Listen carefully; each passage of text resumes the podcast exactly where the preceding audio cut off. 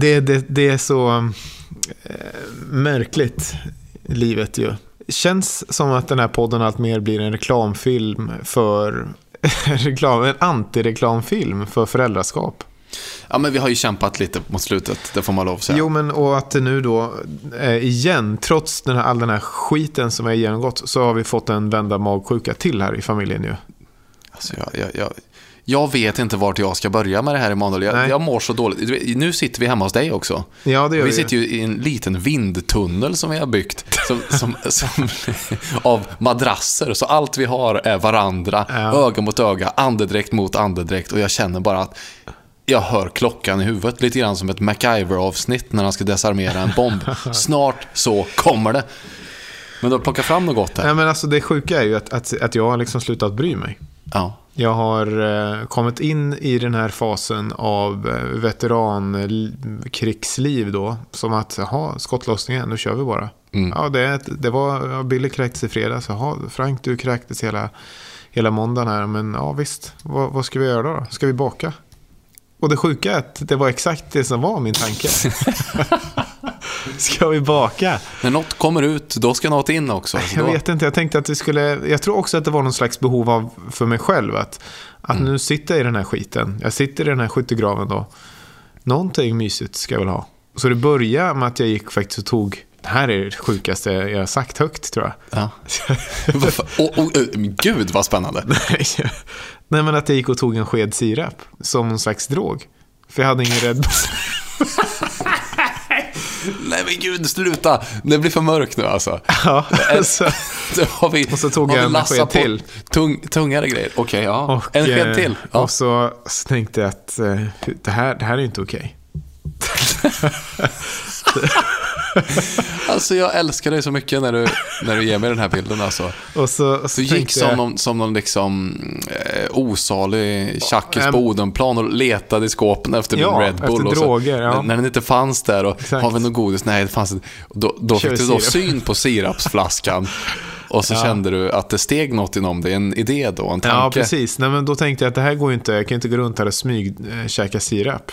Men Nej. däremot, Ä- Äter man det nästan man, man dricker va, eller? Ja, det blir det. Mm. Typ. Ja, nej men jag fattar. Du, kan- du kan eh, inte stå i skåpen och dricka nej. sirap. Det Nej, kan jag inte göra. Skåp. skåpdricka sirap. nej, det är starkt. Ja, det är väl starkt alltså. Ja, det är starkt. Så då Var jag pappa? att, pa, pappa, han har, lite körigt nu. så då tänkte jag i alla fall att, att jag, kunde, eh, jag kunde förtäcka det här i bakning. Då. Ja. Så då så engagerade jag allihopa i att barn vad säger ni, ska vi inte baka?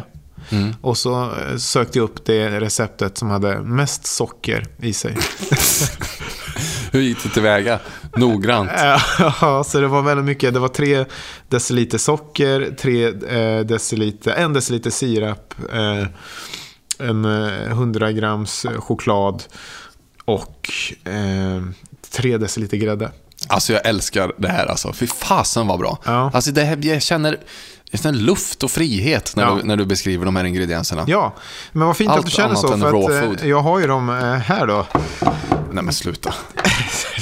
Det som jag inte tänkte på, eller som slog mig först när jag gick till grannen då, och då skulle bjuda, det var ju att jag hade gjort en slags omvänd Mariana Brownie. Alltså att jag, jag hade liksom bakat, bakat in sjukdom i kakorna. Ja, men det är ju ingenting som man går och drömmer om att grannen mitt i brinnande magsjuka st- står och, står och liksom Med barnen och chokladbollar i. som, Nej. som de sen ska dela på. Det här kanske är någorlunda bättre då, den är ändå upphettad, eller hur? Ja, där är nu. Eh, Då ja. Men Ja. efteråt så har Jag minns ju med förskräckelse de här chokladbollarna som man har fått när man har varit hemma hos folk. Alltså.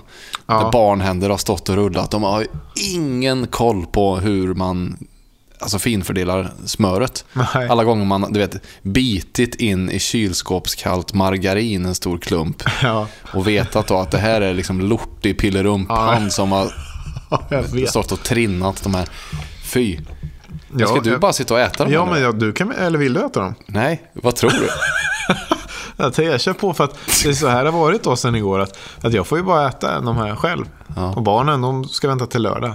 Jag ska känna, blir jag riktigt sugen kanske jag går och tar mig en slurk av sirapen.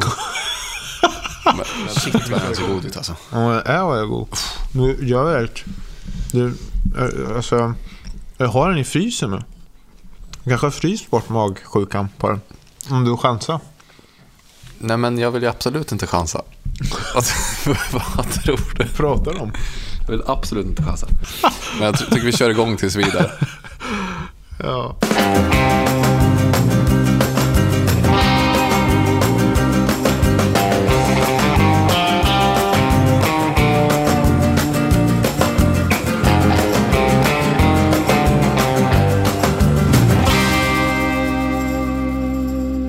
Slutat eh, amma. Ja, Vi har precis. pratat om det här tidigare i podden. Mm. Det, att det, det, Det är möjligt att jag bekymmer. nämnde i förbifarten, men nu är det, nu är det klart. Liksom. Mm, nu är det inget mer. Nej, nu har det gått två veckor, eller tre veckor till och med, Mm. av eh, ja, men noll amning. Mm. Det är som att födas på nytt som, som pappa. Det är ett helt nytt pappaliv. Ett helt nytt självförtroende. Hur då? Alltså det är så underbart.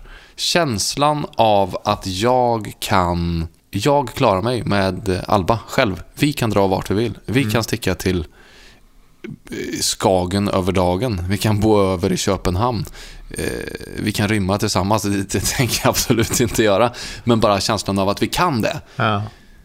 Det är som att... eh, Jag tyckte du formulerade det bra igår. Det, alltså, det är som att få körkort. Ja. Jag har haft månadskort på spårvagnen som förälder i eh, ett och ett halvt år. Ja, och den där känslan av att man eh, sätter sig i bilen eh, första gången efter man har körkort och så, så tittar man sig runt omkring och, och konstaterar att nu, nu är det du och jag i bilen, vi kan åka vart vi vill. Mm. Det, alltså ni har, aldrig, ni har aldrig gjort det innan. Du, du och Alba har aldrig varit iväg någonstans ensamma. nej. Ni har alltid varit bundna av bröstet så att säga. Ja, för att alltså, vi har ju haft eh, nätter tillsammans ensamma när Linda har varit borta och, Hur har ni gjort och så. Men, men, men då har det varit alltså katastrof. Då har det varit katastrofläge. Eh, så här, helt som lösa nätter. När Ja. hon bara skriker sig paniskt igenom dem och jag eh, sover inte en blund. Mm. Och sen står vi ut tills Linda kommer hem och då är det... Alltså det, det har inte varit bra. Mm. Men för vår del så blev det eh, så som, som det verkar bli för en del i alla fall. Att eh, nätterna blev superbra så fort vi slutade med amningen. Så att från att ha vaknat gång på gång och liggat mer eller mindre klistrad till Lindas bröst varje natt i ett och ett halvt års tid så sover hon alltså från eh, halv åtta till sex på morgonen. Every night. Det är helt otroligt ju. Ja. Ja, nej men det är verkligen helt otroligt. Så, Men, men vad, du pratar om självförtroende, eller vad menar du? Alltså att utifrån att, eller vad menar du med det? nej men... Ja men lite grann om man återgår till spårvagnsliknelsen att där, där sitter man med sitt eh, månadskort. Men man åker den här spårvagnen som går i, i, i förutbestämda spår. Jag kan göra små utflykter men jag måste hela tiden springa tillbaks till spårvagnen som är Mhm. L- Linda och Lindas amning. Ja. Och det skapar ett jäkla uselt självförtroende till slut. Mm. Och det är också det här att eh, på nätterna när hon söker tröst, att man inte kan erbjuda det. Mm. Det är ju futtigt att ta upp kanske på ett sätt. Ehm, liksom boo-hoo för mig, men jag ligger ändå... Jag får sova igenom nätterna istället. Mm. Linda har det väl bra mycket tuffare än vad jag har, men, men det, är, det är en lite jobbig grej också, tycker jag. Mm. Ehm, Men det där har vi pratat om ta ju. upp liksom. Ja, men precis. Och det, är- man, det är ju eh, precis som du säger. Men alltså att, men att, det, att du, det har inte spelat någon roll egentligen vad du har gjort. För att alla dina försök då till tröst eh, står sig slätt jämfört med, med, med, med bröstet. Då. Men så är det inte längre nu då, sedan tre veckor tillbaka. Ja, Vad säger Linda då? ja men, eh, Linda är överlycklig också. Jag, jag ska inte tala för henne, men det verkar så. Mm. För att det har blivit så mycket bättre mellan oss också. Mm. Mycket tack vare det här. Mm. Det slog mig först när vi slutade med amningen att jag ibland, och det här, jag skäms så mycket för att erkänna det här ens för mig själv, men att jag ibland har blivit svartsjuk kanske, eller bara förbannad slash sur. när Linda har ammat Alba. Alltså när Alba har eh, var, varit stönig och, och så. Och Linda direkt har plockat upp henne och allt har blivit frid och fröjd. Mm. Då har det varit som en liten eld inom mig som vaknat till liv. Mm. Här kommer du med ditt dopingpreparat igen. Ja, men också, det är ju skamfullt att erkänna, men samtidigt så skönt att kunna säga nu att den elden har slocknat. Mm. Men ska du, hur ska du fira din frihet då? När man tar körkort så åker man ju på en roadtrip. Ja, Har du varit? Ja. Du har aldrig varit på en resa med Alba? nej. Och jag tänker att, eh, att vi, vi ska planera in en sån. Mm. Och att det ska vara ett faderskapstest. Och resan? Ja, jag tänker att du och jag, om du vill, Ja. och våra barn sticker iväg någonstans. Mm. Jag vet inte om vi ska göra det den här veckan. För det är ju nämligen så att vi, vi, vi ska göra en roadtrip ihop ändå den här veckan. Men hela familjen. Ja, just det. Vi, vi ska umgås i helgen här, våra, våra familjer. Ja. Mm. Ja, vi ska ju ha popcornkurs för er. ja. För vi gav ju det i present till er. Inte riktigt så att vi skulle vara eh, lärare, va? Men, nej. men det blev lite fullbokat på den här kursen. så vi var tvungna att kika lite grann på lite alternativ där. Och så, nu har det blivit lite grann så då. Ja. Att det kommer vara vi som är, är popcornlärare. Men det, det kommer bli jättebra. Mm. Men eventuellt att vi ska ha något annat test som vi kan göra på helgen. För det skulle ju vara kul nu när vi är alla tillsammans. Mm. Eh, Men, men eh, kan vi säga att vi, vi lägger det här faderskapstestet i pipelinen Mm. Vi lägger det någon gång så att vi kan podda kanske när vi, den natten. För det är en övernattning Ja. också tänker jag. Ja, Jag tänker att vi då skulle kunna, för då kommer vi bo i samma rum antagligen gissar. Mm. får vi ta in på något eh, stort hotellrum. Ett Ja. familjerum med tre barn och två vuxna. Och så, så får vi podda, vi kanske inte kan podda, podda i rummet, det kanske blir konstigt. Eller så blir det effektfullt. Vi har en viskande podd. ja just det. Men eh, det planerar vi in, absolut. Det var en bra idé. Och, och grattis då. Tack.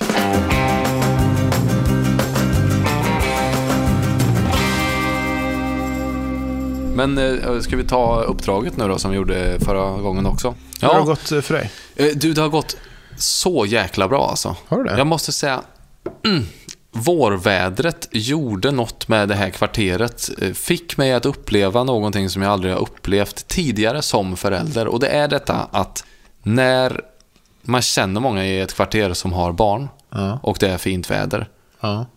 och nästan alla man känner är slackers, då räcker det med att gå till vilken park som helst. Du kommer, du kommer träffa fem, sex, sju personer. Det gör mig så ledsen i själen att vi inte har det här klimatet året om.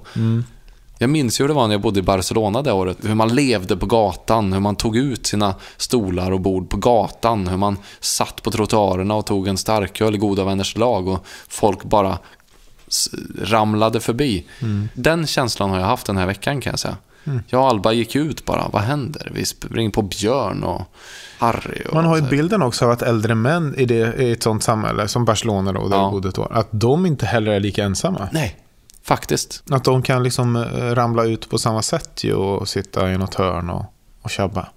Märkligt. Eller hur? Det räcker med att de sätter sig i en busskur och börjar vråla rakt ut så, Ja. så flockas folk och så eh, är man igång. Det är säkert också extremt förenklad bild. Ja, extremt kanske förenklad. är, jag vet inte. Jo, men det tror jag. Ja, okej. ja. Men, eh, men bara för att den är förenklad så betyder det inte att det ligger något i det. Men Så det du gjorde vara. den här eh, dagen då, eller veckan, det är att du har snubblat på gamla vänskaper, eller vadå? Ja, det är ju det som är bekymret här då för att uppdraget var ju att man skulle odla eller egentligen väcka liv i en gammal bekantskap. En, en, en viktig vänskap som man en gång har haft men som man av någon anledning sorterat bort i livet. Och jag träffade ju mest folk som jag fortfarande alltså, har en aktiv relation med så att säga. Mm. Men precis när jag skulle gå hem i lördags, Mm. jag och Alba var på väg, så, så hör jag en bekant röst bakom Mhm. mig. Hallå Rasmus! Va? Är det Munkforser här? Han, han talar munkforsiska, eller vadå? Ja, precis. Vänder mig om. Martin fucking Ljungdahl alltså.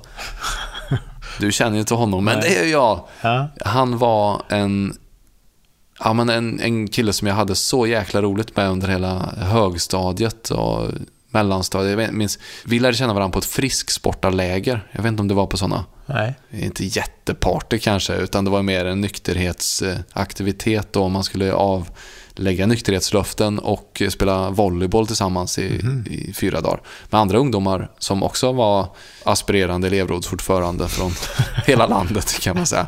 Men det här var, ni, blev- ni slutade vara vänner där någonstans vid mellanstadiet alltså? Eller högstadiet sa du?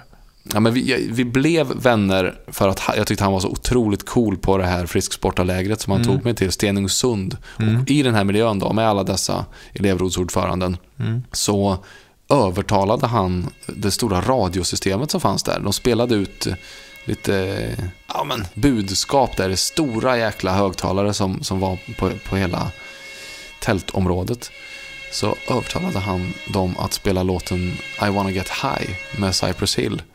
Som han hävdade med bestämdhet då handlade om bergsklättring.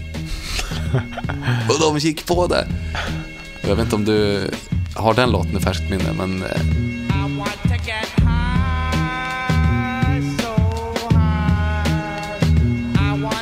Det handlar om bergs- bergsklättring. nej, den handlar om lite annorlunda. Ja.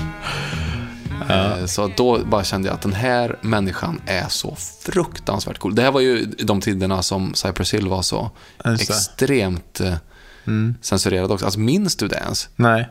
Men ja, eller vad menar Nej, du? nej, Att, men att alltså då att- blev han ännu mer punkig då? Menar Nej men att folk, eh, alltså föräldrar förbjöd Nu en när du säger det har jag ett svagt minne. Vi är ju samma generation du och jag. Ja. Jag har ett svagt minne faktiskt av det nu när du säger det. Det var ju den här Cypress Hill Black Sunday, hette den Mhm. skivan. Dödskallar och coola grejer på framsidan och sen så i foldern så var det då tio budord om varför Mariana är bra. Och det, var, det här tyckte föräldrarna då, de gick igång på det här, det skrevs massa debattartiklar. Men eh, ja, det är, en, det är en side-note. Martin Ljungdahl kom dit i alla fall. Ja. Och jag kände shit. Ja men lite grann som nu, att man, massan minnen börjar bubbla till liv. För att ni har Alltså- inte varit vänner då på ett tag, antar Vi har jag? nog inte setts på sju, åtta år. Oj, okej. ja. Och då var det bara liksom, som, då sågs vi på ett bröllop och Ja. dessförinnan var det väl återigen sju år eller något. Okej. Så att, eh, nej men det här var verkligen, det är mäktigt med sådana vänner som öppnar upp. Mm.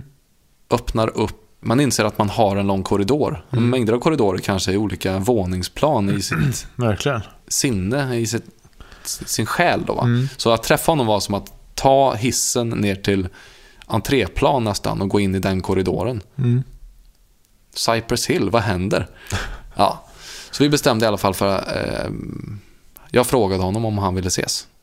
Så gjorde vi det. Där och då, eller när ni sågs? Eller där på Nej, gatan? vi, eh, vi, vi var iväg eh, här Igår var vi iväg och sågs lite grann. Mm.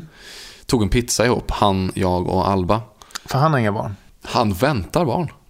Han, han ska bli pappa nu i juli. Och ehm, har är ju- därför börjat lyssna på podden. Så han Ja, hade ändå oj. tänkt sig att kanske höra av sig till mig. För han har också flyttat till det här kvarteret. Det är helt galet. Det är ju förenande också just den eh, grejen. Alltså att man har barn. Det hade kanske varit annorlunda om man inte hade haft. Eventuellt. Eventuellt, Förmodligen. Hej! Nej, men jag, jag tar mina chanser.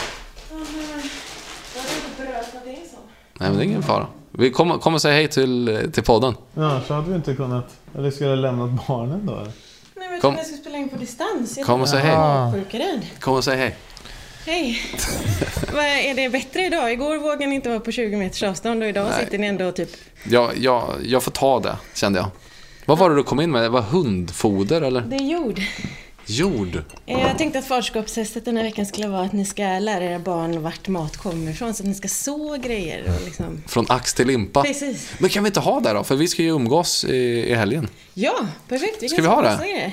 Kolla Emanuels fantastiskt glada min. Han glider ansiktet fram och tillbaka i... En otroligt dålig idé. Emanuel lägger Varför pannan är i det så djupa veck. Våra barn tror jag att grönsaker växer på Nej, det tror de inte. Men det är ju... Visst. Det jag är borde ju- faderskapstestet. Från ax till limpa med faderskapstestet. Jag tycker det Men verkar vadå, jättehärligt. vad ska vi göra på testet menar du? Vi ska försöka förklara för framförallt Billy som, som ju är enklast att prata med. Ja, men jag har massa fröer och massa jord och massa sånt. Och sen så blir det som ett litet test. Vi måste vara tillräckligt pedagogiska så att vi kan förklara för henne hur eh, en potatis blir till. Och sen så ska hon förklara det för oss. Det är faderskapstestet. Okej. Vi, vi slår våra påsar ihop, våra jordpåsar ihop, våra potatispåsar ihop och så försöker vi vara så pedagogiska det bara går. Och sen kan vi också se om några veckor huruvida det har blivit någonting av det här. För det sägs ju att man inte kan varken skaffa barn eller relationer innan man kan hålla en växt vid liv.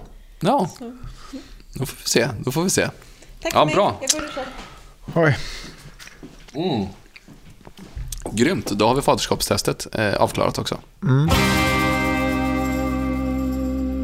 Jag fick en idé och jag tänkte om jag och Alba går ut här nu bara och lämnar min telefon till Martin och så får han ja men så får han säga han får telefonen i en minut och så, och så får han säga vad han vill om mig i telefonen. Alltså han får gräva fram något minne kanske eller prata om vem han tycker att jag är. Och, så, och så lyssnade inte jag på det. Men eh, i alla fall, jag tänkte att jag skulle spela upp det då. Mm. Alltså jag, en minut eh, Rasmus på mellanstadiet enligt eh, Martin Ljungdahl. Kör. Fleetwood Mac We Say med Bruce Springsteen var det man lyssnade på. Eh, vi spelade i samma band i början, du var med där från början. Eh, och som jag minns det så bilden var väl att vi var väl ett ganska stort gäng där. Ransätersgänget och vi ett antal av de som åkte skateboard som kom från Munkfors. Eh, vi blev ju ihoptvingade där på grund av ett visst hat från övriga Munkforsbor som inte tyckte att vi skulle ha så stora byxor liksom. Vi var ett gäng och vi samlades kring musiken och vårt, som vi såg det då, utanförskap liksom. Det här gnälliga tonårsgrejen att Åh, men ingen förstår oss och så var vi 20 stycken som ingen förstod ungefär liksom. En, en, samling stor montrang liksom. Lite där. Ja, där har vi det. Är det, det är du alltså? Ja, jag älskar också att han, att han tror, han, i hans hjärna så har han justerat historien så, så att han tror att jag också hade Psycho Cowboy. Så du hade Psycho Kappa? Jag hade ju Psycho Cowboy. det är underbart. Eh, Du, du lyckades, eller din pappa lyckades lura eh, då dina vänner. Ja, uppenbarligen. Ja, du Tack får för lyssna på det avsnittet, eh, Psycho Kappan. Ja, men, men shit vad jag, det hade jag glömt bort. Det här extrema känslan av utanförskap som man, som man odlade. Mm. Och som jag inte förstod någonting av här nu när jag hörde. Nej, men du måste förstå. Munkfors. Det är alltså en bruksort där alltså det finns bara två alternativ om du vill bli populär. Mm. Du tar antingen plats i hockeylaget eller så sätter du på dig träskor, bar överkropp och skinnväst och Lasse Stefans keps och åker och slår ner Dejebor på Kolsnäsudden eh, varje helg och eh, dricker hembränt i en skeva Impala från 58 och, och försöker ja, ligga med yngre tjejer. Det, det, det är de två alternativen man har. Men vi var ju konstnärsungar. Vi var ju... Ja, våra föräldrar var ju skådespelare och keramiker och ja, stå upp komiker och av någon underlig anledning så fanns det ju en kulturell enklav i Munkfors. Så vi som tillhörde den enklaven var ju freaks, minst ut sagt. Och Martin tillhörde den och jag tillhörde den. Men ni kunde vara freaks tillsammans på något sätt då? Ja, så, så, så då blev ju till exempel musiken väldigt viktig. Mm. Jag blev ju jätteglad när jag fick vara med i deras band, Redheads. Men eh, ja, shit. Fint. En liten trip down memory lane. Det, det, det måste man väl ändå säga att faderskapstestet är... Ja, Du har Godkänt. verkligen klarat det. Ja. Eh, Men, men det här är det är en begynnande relation som du har plockat upp helt enkelt nu då? ja precis. Hur har det gått för dig? Eh, Jo, men det har gått bra. Men, och jag börjar tänka väldigt mycket när du berättar de här sakerna. Jag tror att jag pratade om det här tidigare. Hur, om det kanske var förra eller förra, förra avsnittet. Där vi pratade om hur, hur viktigt jobbet var för mig. Mm. Och, och vilken katastrof det hade varit om jag hade fått barn tidigt. För att jag var så fokuserad just. Inte Ja. jobbet som är att det var ett särskilt jobb. Men att göra någonting som jag kände mig tillfreds med. Att jag hade liksom uppnått det som jag ville nå. Så jag behövde bara hitta något som jag ville nå och så nådde jag dit. Och i det där så, så var det ju var det samma sak för mig. Och för mig blev det där en jättestor vändpunkt egentligen. Eh, Det hade gått ganska snabbt för mig i, i, i jobblivet. Och så ville jag då satsa på ett, ett helt nytt koncept och så startade vi någonting som hette Ajour som var en eh, nyhetssajt kan man väl säga. Eh, som vi ideellt drog igång sju stycken personer. Och så väckte så mycket agg från de som tidigare varit mina vänner och kanske hyllat och dunkat mig i ryggen. Att de vände liksom ryggdunkarna till knivdolkar där. Det bara slog mig igen på något sätt. Hur, hur viktig den insikten och upplevelsen var. Att människor använder varandra. Man klättrar liksom på varandras ryggar. Mm. Och att vänskap i arbetslivet ju kan vara väldigt härligt. Men allra mest handlar om arbetslivet. Så att det är en anledning att man kallar dem ar- jobbkompisar. man ska säga. Mm. Och hur det för mig ju då blev hela vändningen som egentligen har lett till att jag bor i Göteborg, att jag träffade min fru, att vi, vi har barn också. Att jag började värdera, kan inte lägga alla mina ägg i samma korg, i samma jobbkorg. Jag måste fördela om det Mm. mycket, mycket bättre. eh, För att få balans i livet, för att inte falla ner i ett mörkt hål. Ifall alla de här äggen skulle gå sönder samtidigt i jobbkorgen. Mm. Och, och, och det som är intressant, som jag tänker också på dig och på många andra som har levt liv, kanske, jag, jag, har, ju med, jag har ju växt upp i Visby, så det är ju en liten ort också. Men allra mest kanske de som har levt utanför någon stad överhuvudtaget.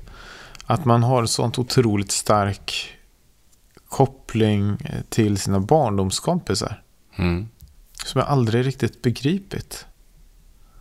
För det är ju kompisar som... eh, Ni har ju, det är som du sa här, ni har ju tryckts ihop bara. Alltså det, det, ni har inte valt varandra. Ni råkades födas på samma plats. Och så fanns det ingen annan att vara med, så ni valde varandra. Men är inte tonåren något som man bara måste överleva? Men verkligen, alltså jag säger inte att det är fel, för jag hade ju också sådana. Men det som är intressant är ju nu, senare då, att man, för det tycker jag också är en genomgående, genomgående sak, man går tillbaka till dem och uppskattar det så mycket.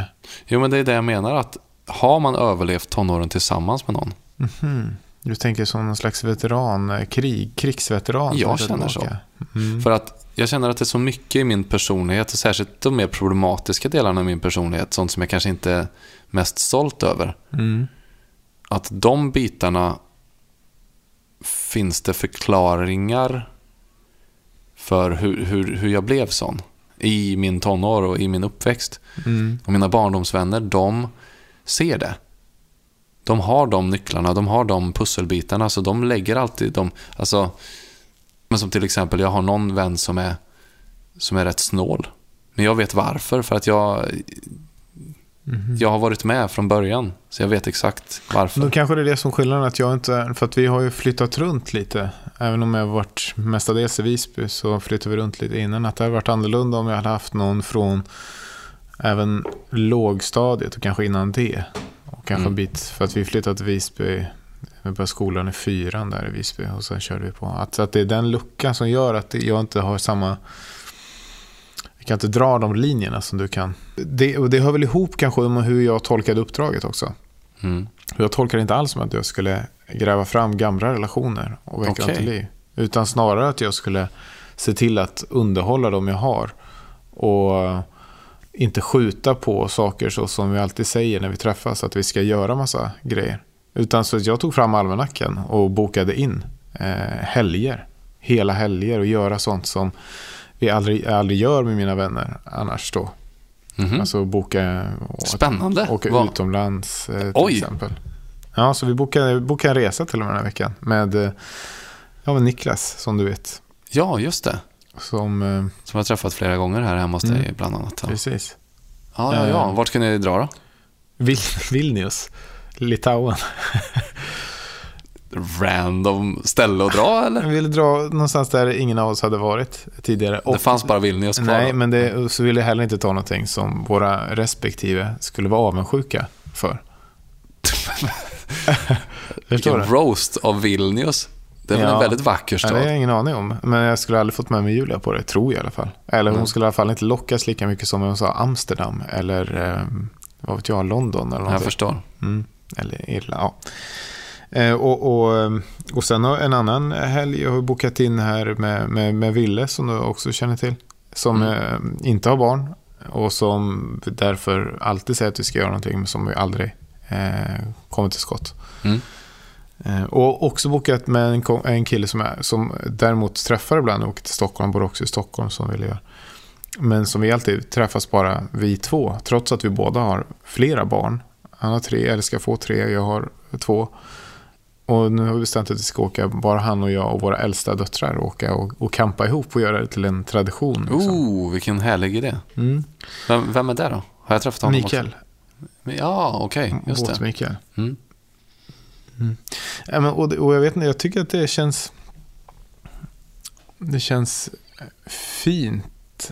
Och jag känner mig glad när jag gått igenom det. Att jag känner att jag har flera personer som, i min närhet som jag kan vända mig till liksom, i olika skeden av, av livet. Och att när jag var 25 så var jag så olycklig för att jag kände att jag inte hade eh, några vänner som jag kunde komma och vända mig till under resten av livet.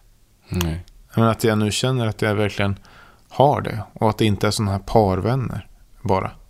Även fast just till exempel Niklas var en sån som vi träffade på en profylaxkurs och de mest random saker att träffas. Mm. Men det har blivit min vän och vi umgås väldigt mycket på tu man hand, liksom, förvisso med barnen också. Men... Och vad de andra med att man har, jag har några resekamrater genom livet. Ja. Och jag eh, känner mig väldigt glad. Jag har inte behov av att umgås mycket eller prata ofta i telefon. Men jag har ett behov av att veta att, att vi kan göra saker. Att, att vi kan underhålla den här relationen. De Mm. relationerna vi har.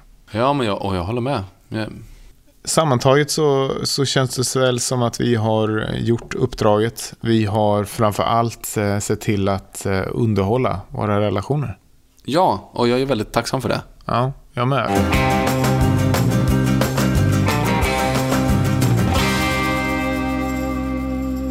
Mat.se är vår vän. De är vår sponsor. Vår eh, podds kanske mest trogna vän och sponsor. Får man ändå säga. Ja.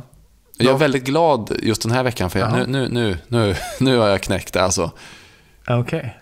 Du vet, sen Alba började på förskolan, hon har blivit besatt av frukt. Det är ju fruktstund på förskolan, du vet. Så nu ska det vara frukt till allt. Det ska Hemma vara frukt. också då? Ja, ja, ja. Varje mål ska det vara frukt till. Frukost, lunch, middag, eh, mellanmål. Två mellanmål om dagen och det är frukt. Det är så fan, fasansfullt mycket frukt.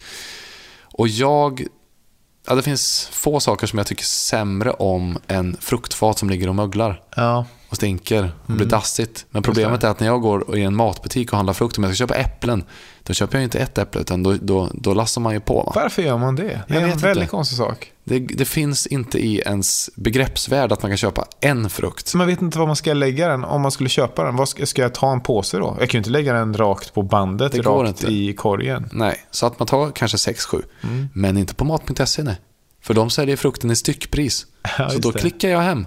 Två äpplen, två Granny Smith, två stycken eh, Golden Delicious. Och så ett konferens. Päron då? Gott. Kan man ha på tacos också. Ja, det var ett väldigt bra tips, eh, Rasmus. Eh, Och är det någon som känner att det här kommer förändra mitt liv? Om ingenting annat har bitit så, kommer, har, så biter det här. I så fall ska ni bli en del av eh, vår Mat.se-familj. Använd koden PAPPA så får du 200 kronor rabatt på ditt första köp om du handlar för 500 kronor. PAPPA är koden. Det blir mycket päron det. Mat.se är sajten. Tack så 60-70 mycket. Konferens. Underbart, tack. Tack, tack. Eh, Jag, jag tänkte bara, jag har en syster ju som du har träffat, Emily, som, som, som bloggar. Just det. Eh, Och jag tyckte bara det var kul att läsa hennes eh, blogg här i veckan för att då, Emily Sundberg heter hon, hon, hon hade en rubrik på en bloggpost som hette jag, eh, jag gillar inte att leka. Hon är ju tvåbarnsmamma då, och hon har ju en, en son som är nio månader eh, yngre än våran Billy då, så han är ju tre, fyller fyra nu då. Och en snart ettåring också. Och säger att, eh, att hon kommer ut att hon har en läggning eh, då Eh, som hon får ångest över och, och tänker att hon måste vara sämst i världen. Men hon, är, eh, hon tycker inte om att leka med sina barn helt enkelt. Och att hon försöker, att hon sätter sig med båda barnen men att hon efter 30 sekunder är någonstans, någon helt annanstans i tankarna. Och eh, ehm, eh, förklarar att liksom hon såklart älskar sina barn och hon tycker om allt som har med sina barn att göra och det gör hon verkligen, det vet ju jag som varit där. Hon är liksom en närvarande bra mamma men hon är inte bra på att leka. Hon tycker inte om det framförallt. Nej. Och det här... Strångt att komma ut egentligen. Det är ju inte en populär åsikt som mamma att säga att man eh, inte gillar att leka. Nej, men det var intressant också hur du la till det som mamma. Ja, för det är väl, får man väl ändå säga, betydligt enklare att komma ut med en sån åsikt som pappa. Ja, komma ut, man förutsätter, det är ett slags eh, standardläge tror jag för pappor. Att man bara utgår från att pappor tycker inte om att, att leka, eller de är inte bra på det åtminstone. Nej. Eh, utan man eh, utgår från att de får kämpa mycket mer. Ja, och, och får ju jättemycket eh, positiva, glada tillrop när de, när de försöker. Mm. Åh, vilken lekpappa! Ja. Lekpappa! Ja, men precis. Åh, vilken kille! Men det var intressant att se lite kommentarer här också, just då eh, hur befriande andra mammor då tyckte det var med en mamma som, som sa det här. Att det var liksom det bröt mot tabu och att man fick kanske känna igen sig lite och sådär. Och, och mest intressant var kanske eh, kommentaren här från någon som heter Gabriella. Som säger att eh, det är inte meningen att eh, vi vuxna ska leka med barnen. Och då är hon utbildad Waldorflärare och enligt den pedagogiken, jag vet inte, Waldorf det är ju någon slags skola som utgår från någon, eh, vad heter han, Rudolf Steiner. Just det. Ja. Jag kan inte så mycket om det, ska jag vara ärligt. Eller Nej, men det går väl ut på att man ska mm, följa barnets naturliga utvecklingsfaser. Man ska fokusera mycket på kreativitet och låta barnet eh, styra själv rätt mycket. Okej. Och att samma lärare ska följa barnen i många år och sådär. Men det ska också sägas att det inte Alltså det, fin- alltså det är inte 100% vetenskapligt. Alltså det finns Jaha. ju en... Nej men det, det finns ju en del... vetenskap i allt det här. Ja, det finns väl eh, inslag av, alltså jag tänker de här eurytmik eller vad det nu heter, läke-eurytmik och biodynamisk odling och sånt. Som en, jag kan inte eh, exakt allt kring det där, men, men man, man kan väl säga att Ja, då, då faller ju allt det här som jag ska säga. Ja, fast, fast eh, alltså, som pedagogik betraktad så Aha. är den ändå accepterad och, och eh, så vitt jag vet eh, väldigt uppskattad och framgångsrik också. Jaha, okej. Ja, men då säger då får du väl ta det som du vill då. Ja, Som i alla fall den här Gabriella säger då, som är utbildad Waldorflärare. Det är att barn ska leka själva. Alltså det ska komma ur barn själva, lekar, och deras egen fantasi. Alltså att när vuxna kommer och deltar så blir det lätt att vi vuxna styr leken. Vilket gör att barnen förlorar sin egna kreativitet. Alltså självklart ska vi vuxna eh, vara närvarande för att styra lite. Först och främst på förskolan skriver hon här. Så att ingenting går överstyr. Och ibland så kan barn också behöva hjälp att komma igång. Men så fort de har det så är det meningen att man som vuxen sakta ska dra sig ur. oh, Vad, vad, vad tänker du om detta? Eh, jag tycker det är en väldigt tilltalande bild alltså. Mm. Jag, jag tycker också det är, alltså det slår mig att, jag, jag, precis det där fick jag se in action idag när jag hämtade Alba på förskolan. Mhm. Jag tycker att hennes förskolepedagoger är så underbara. Mm. Liksom de allra flesta förskolepedagoger är i hela, som jag någonsin har träffat. Men precis det där är ju deras superkraft. Och det är där man avundas dem väldigt mycket. Jo, men att de är som matadorer Mm. där inne. Bland om alla barn är som tjurar och springer runt och behöver... Alla barn har olika behov konstant. Mm. Och förskolepedagogerna är så duktiga på att inte uppehålla sig vid en tjur. Utan ba, bara snabbt dyka in. Och sen så, eh, okej här kommer den som rusar, då ska det, klossar behöver den. Klossarna är bara där och så snabbt vidare och dra sin cap eh, till något annat ställe där det behövs ett pussel. Och någon har precis spilt ut sin vattenfärg, då är man snabbt där och plockar. Alltså, just den här osjälviska lyhördheten inför varje barns behov. Lite grann så tänker jag att, eh, att det här också är. Att, alltså att, man, att man kan vara mer sån med sitt barn. Mm. Att inte fokusera på hur leken ska bli gemensam alla gånger utan också vara lyhörd på vilka behov som finns. Ja visst, och vi har ju haft olika prov eh, eller faderskapstest genom eh, åren, håller på att säga, genom de här Ja. veckorna.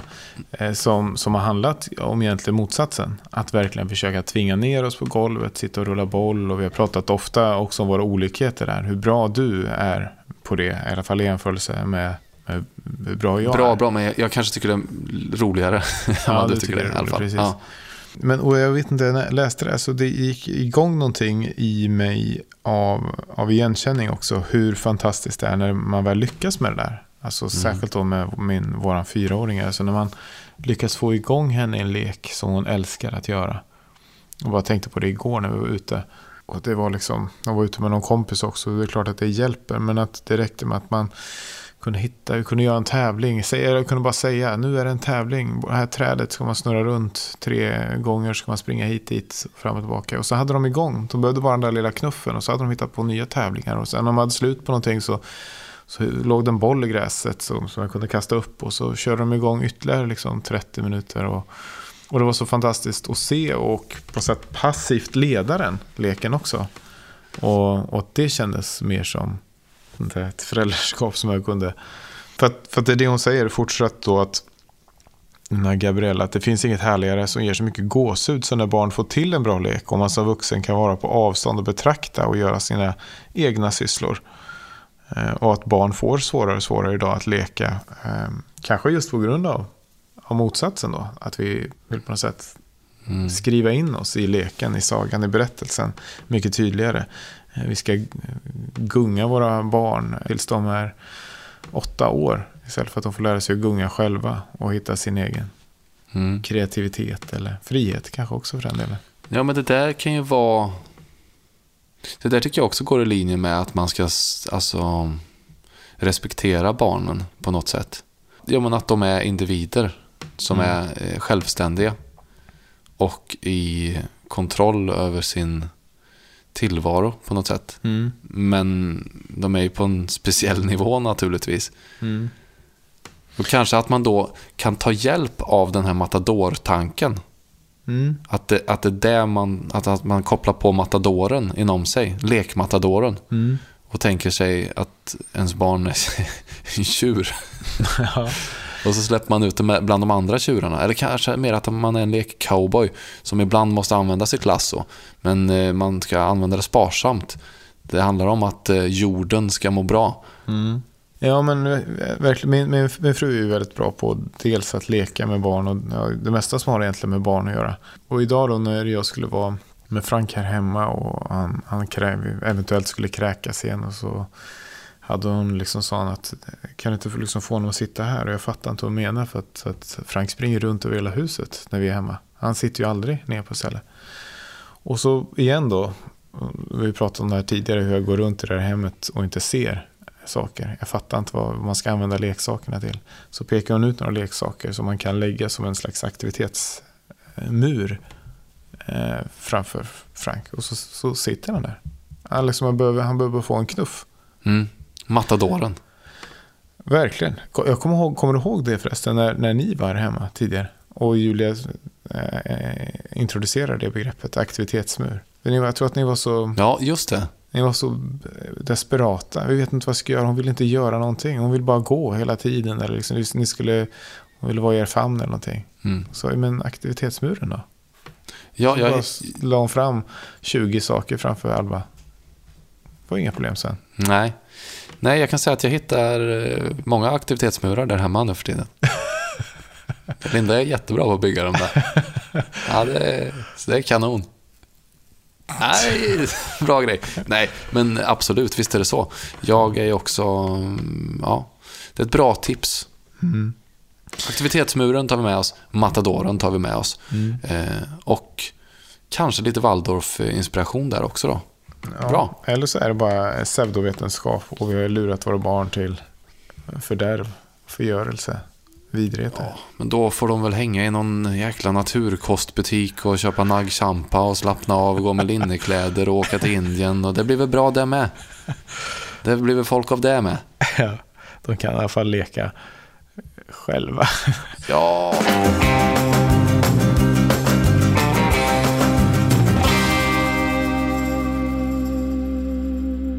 Jag har förberett ett litet blindtest åt dig här Emanuel. Du har två kaffekoppar framför dig. Eh, Lövbergs är ju samarbetspartner här hos oss. Så i ena koppen så har jag hällt upp deras Next Generation Coffee och i andra koppen så har jag hällt upp en, ja, en helt generisk kaffe. Okej.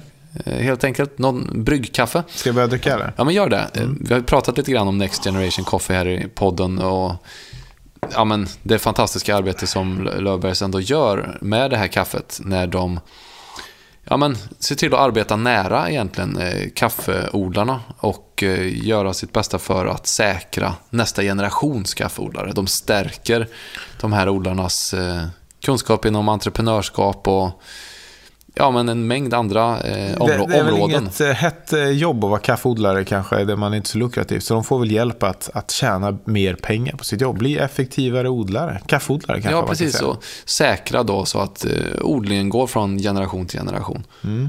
Men det är viktigt att kaffet smakar något också.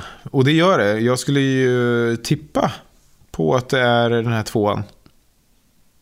Är det rätt eller? Vi ska få, få lyfta på den lappen. Ja, det var rätt. Men om jag ska vara ärlig också ska jag säga att, att jag kan inte... Eh, det var inte en supertydlig skillnad. Jag är heller ingen superduktig kaffedrickare. Men det som då blir ännu viktigare är ju kanske vad, vad, vad pengarna går till. Och att det blir mycket roligare såklart att köpa till, till någonting som, som stöttar Ja. en bra sak. Nej, men så är det väl. Bra kaffe är väl bra kaffe. Men Mm. eh, det, känns ju, det känns, känns ju skönare att välja det kaffet som också gör gott. Ja, verkligen.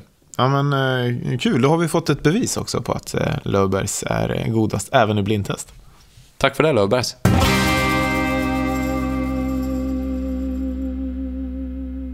Du, eh, tack så mycket. I all denna eh, magsjukekaos vi befinner oss i så ju, gjorde vi ändå ett trettionde avsnitt, eller vad vi nu är uppe i.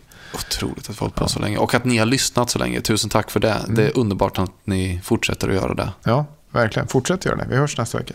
Hej!